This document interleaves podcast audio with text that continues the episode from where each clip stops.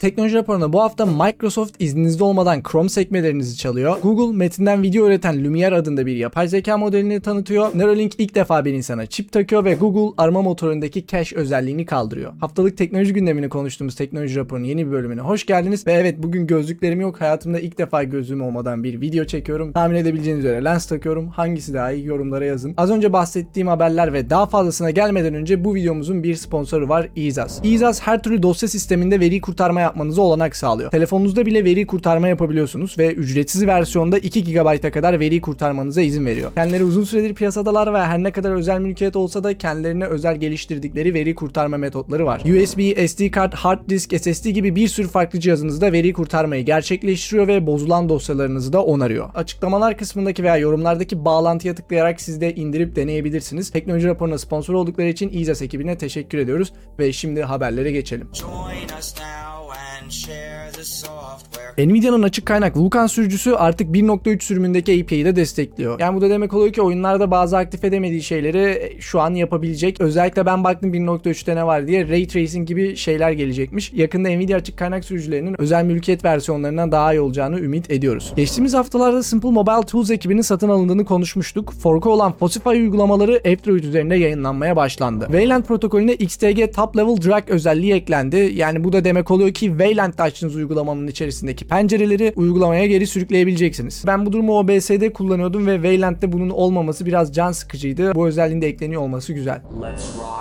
Google yeni video üreten yapay zekası hakkında bir araştırma kağıdı yayınladı. Paylaştıklarına bakacak olursak bir sürü özelliği var. Tahmin edebileceğiniz üzere metinden video oluşturuyor, resimden video oluşturuyor veya bir resmin stilini paylaştığınızda onun stiline uygun resimler oluşturabiliyor. Sonuçlar oldukça güzel gözüküyor ama henüz halka açmadılar. İlerleyen zamanlarda muhtemelen Bard ile kullanımı açacaklardır. Yapılan bir araştırmaya göre Copilot ile yazılan kodlar yaklaşık 2 hafta içerisinde tekrar yazılması veya güncellenmesi gerekiyormuş. Tabi bu araştırmanın boyutu ne kadar büyük emin değilim ama Copilot gibi araçların şu an yazılımcıların büyük çoğunluğu tarafından kullanıldığını biliyoruz çünkü işlerini kolaylaştırıyor. Bu araştırmaya göre ne diyelim Copilot kullanın ama yine temiz bir kod yazın. Google Bard'a gelen yeni güncellemede Gemini Pro artık Türkçe konuşabiliyor. Buna ek olarak Bard artık resim üretebiliyor ama Türkçe resim üretmeyi denediğimde bir türlü çalışmadı. Resim üretmek istiyorsanız şimdilik İngilizce yazmanız gerekecek. Mark Zuckerberg neden yapay zeka modellerini açık kaynak yaptıklarını açıkladı. İlk olarak yapay zeka modellerinin daha hızlı gelişmesine olanak sağladığını düşünüyor ve bu durumun kendi ürünlerine de yarar sağladığını söylüyor. İkinci noktada açık kaynağın endüstri standardı olduğunu yani eninde sonunda endüstri standardı haline geldiğini ve kendileri bu konuda liderlik ettiğinde bu konuda daha fazla söz sahibi olacaklarını söylüyor ve son olarak araştırmacılar açık kaynak projeleri üzerine çalışmayı sevdiğinden işe alımı kolaylaştırdığını söylüyor. Ben bu duruma biraz kullanıcı gözünden bakıyorum. Meta'nın açık kaynak modelleri yayınlaması aslında kullanıcıların işine geldi. Her ne kadar Meta'nın yaptığı birçok şeyi sevmiyor olsak da bu kullanıcıların işine gelen bir durum. Tabii ki Meta Lama'yı yayınlamasaydı mutlaka başka şirketler yine bu konuda öncülük ederdi ama Meta'nın bunları yayınlaması açık kaynak güzel modellerin bilgisayarımıza, telefonumuza kullanabileceğimiz güzel modellerin gelişebilmesini sağladı ve hatta iyi bir bilgisayarınız varsa GPT-4 seviyesinde veya 3.5 seviyesinde yapay zekaları lokal olarak çalıştırabilmemize olanak sağladı. Ama tabii ki Mark Zuckerberg'in kendine özgü motivasyonları var.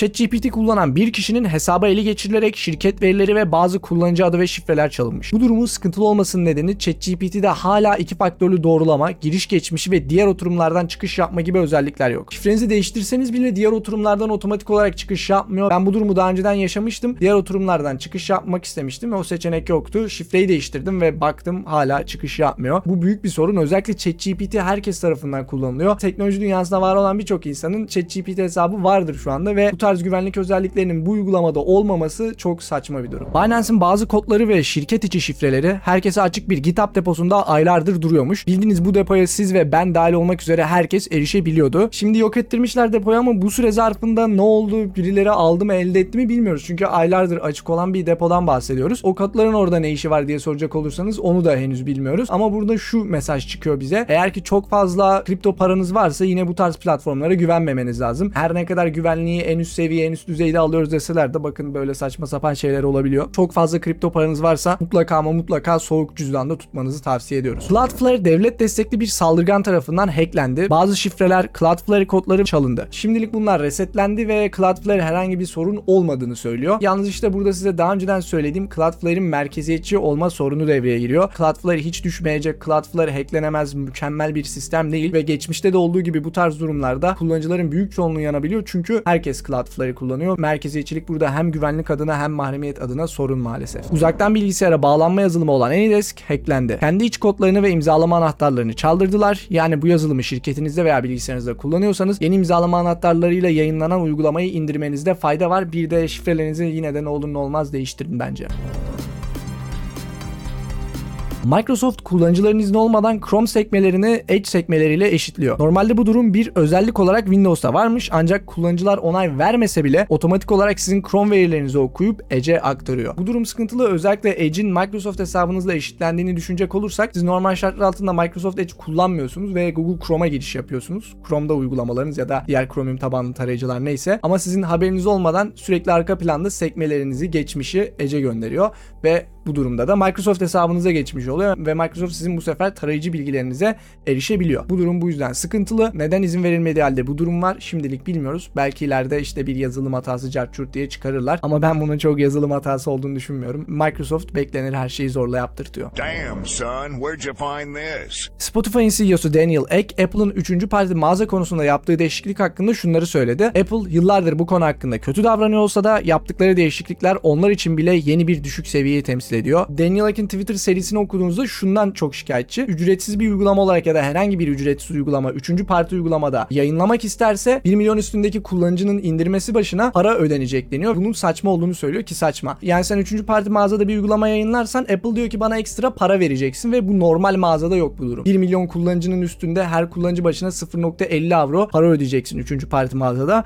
Normal mağazada bu durum yok. E Daniel Ek de diyor ki e kim geçer o zaman? Yani sen bunu getiriyorsun ama insanların kullanmaması için getiriyorsun diye bir şey söylemiş ki haklı. Açıkçası Apple'ın bu değişiklikleri konusunda birçok sorun var. Geçen haftaki teknoloji raporunda da biraz konuşmuştuk. Belki ilerleyen zamanlarda bunun detayları hakkında bir video çekerim. Neuralink şirketi çipini ilk defa bir insana taktı ve Elon Musk'a göre bu kişi tahmin ettikleri gibi toparlanıyor. İlk taktıkları çipin adı telepati ve Stephen Hawking gibi hastalıkları olan insanların hızlı bir şekilde iletişime geçmesini hedefliyor. Zihinleriyle bilgisayarda mouse ve klavye yazmalarına olanak sağlayacakmış ve böylece bu tarz normal e, şartlar altında konuşamayan insanların hızlı bir şekilde iletişime geçmesine izin verecek. Tabii henüz bu konu hakkında bir video yok ama belki ileride gelir. Google'ın cache özelliği kaldırıldı. Önceden kullanıcılar bir sayfaya erişemediklerinde Google'ın aldığı anlık görüntü üzerinden siteyi görüntüleyebiliyorlardı. Ama nedense Google ekibi bu özelliği kaldırdı. Ben zaten Google'ın bu cache mekanizmasını çok stabil bulmuyordum açıkçası. Gidip işte web archive'dan falan bakıyordum öyle bir durum olduğunda. Ama yine de bunun kalkması için hiçbir neden yoktu ve güzel bir özellikti. Kaldırmaları benim hoşuma gitmedi. Google normalde Appen adlı bir şirkete arama sonuçlarının kalitesini ölçtürtmek için bir para ödüyordu. Ancak kontratlarını iptal ettiler. Bu Appen şirketi için 82 milyon dolarlık bir kayıba tekabül ediyor. Birçok insan Google bu kontratı iptal etmesinin nedenini artık arama kalite sonuçlarını yapay zeka yaptıracağını söylüyor. Normalde burada bu şirkete ödedikleri 82 milyon dolar ya da neyse o civar para insan gözünden geçerek kalite kontrolü yapılıyordu. Düşünün hani arama motoru sürekli değişen bir şey olduğu için demek ki düzenli olarak bu tarz kişiler Google'da aratma yapıyor ve bu kalite sonuçlarını puanlıyorlar. Tabii ki söylenti seviyesinde olsa da yapay zeka yaptırtmaları olası bir durum. Buradaki sıkıntı yapay zekanın diğer yapay zeka metinlerini tespit etme konusunda sıkıntı yaşadığını biliyoruz. Böyle bir durumda Google nasıl planlıyor bunu yapmayı bir soru işareti. Google arama sonuçları bu durumda daha mı kötü olur daha mı iyi olur? Bakalım göreceğiz. Dediğim gibi daha biraz söylenti seviyesinde. Gerçekten ilerleyen zamanlarda böyle bir şey olursa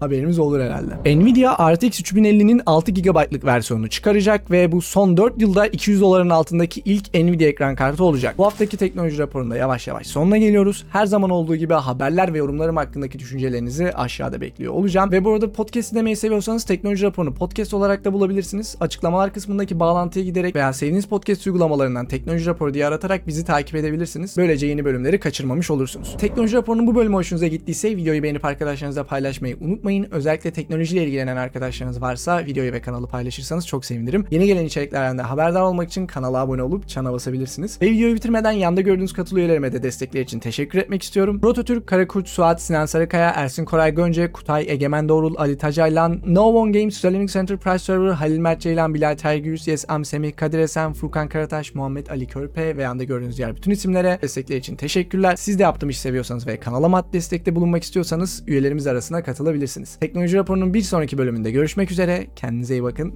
Hoşçakalın.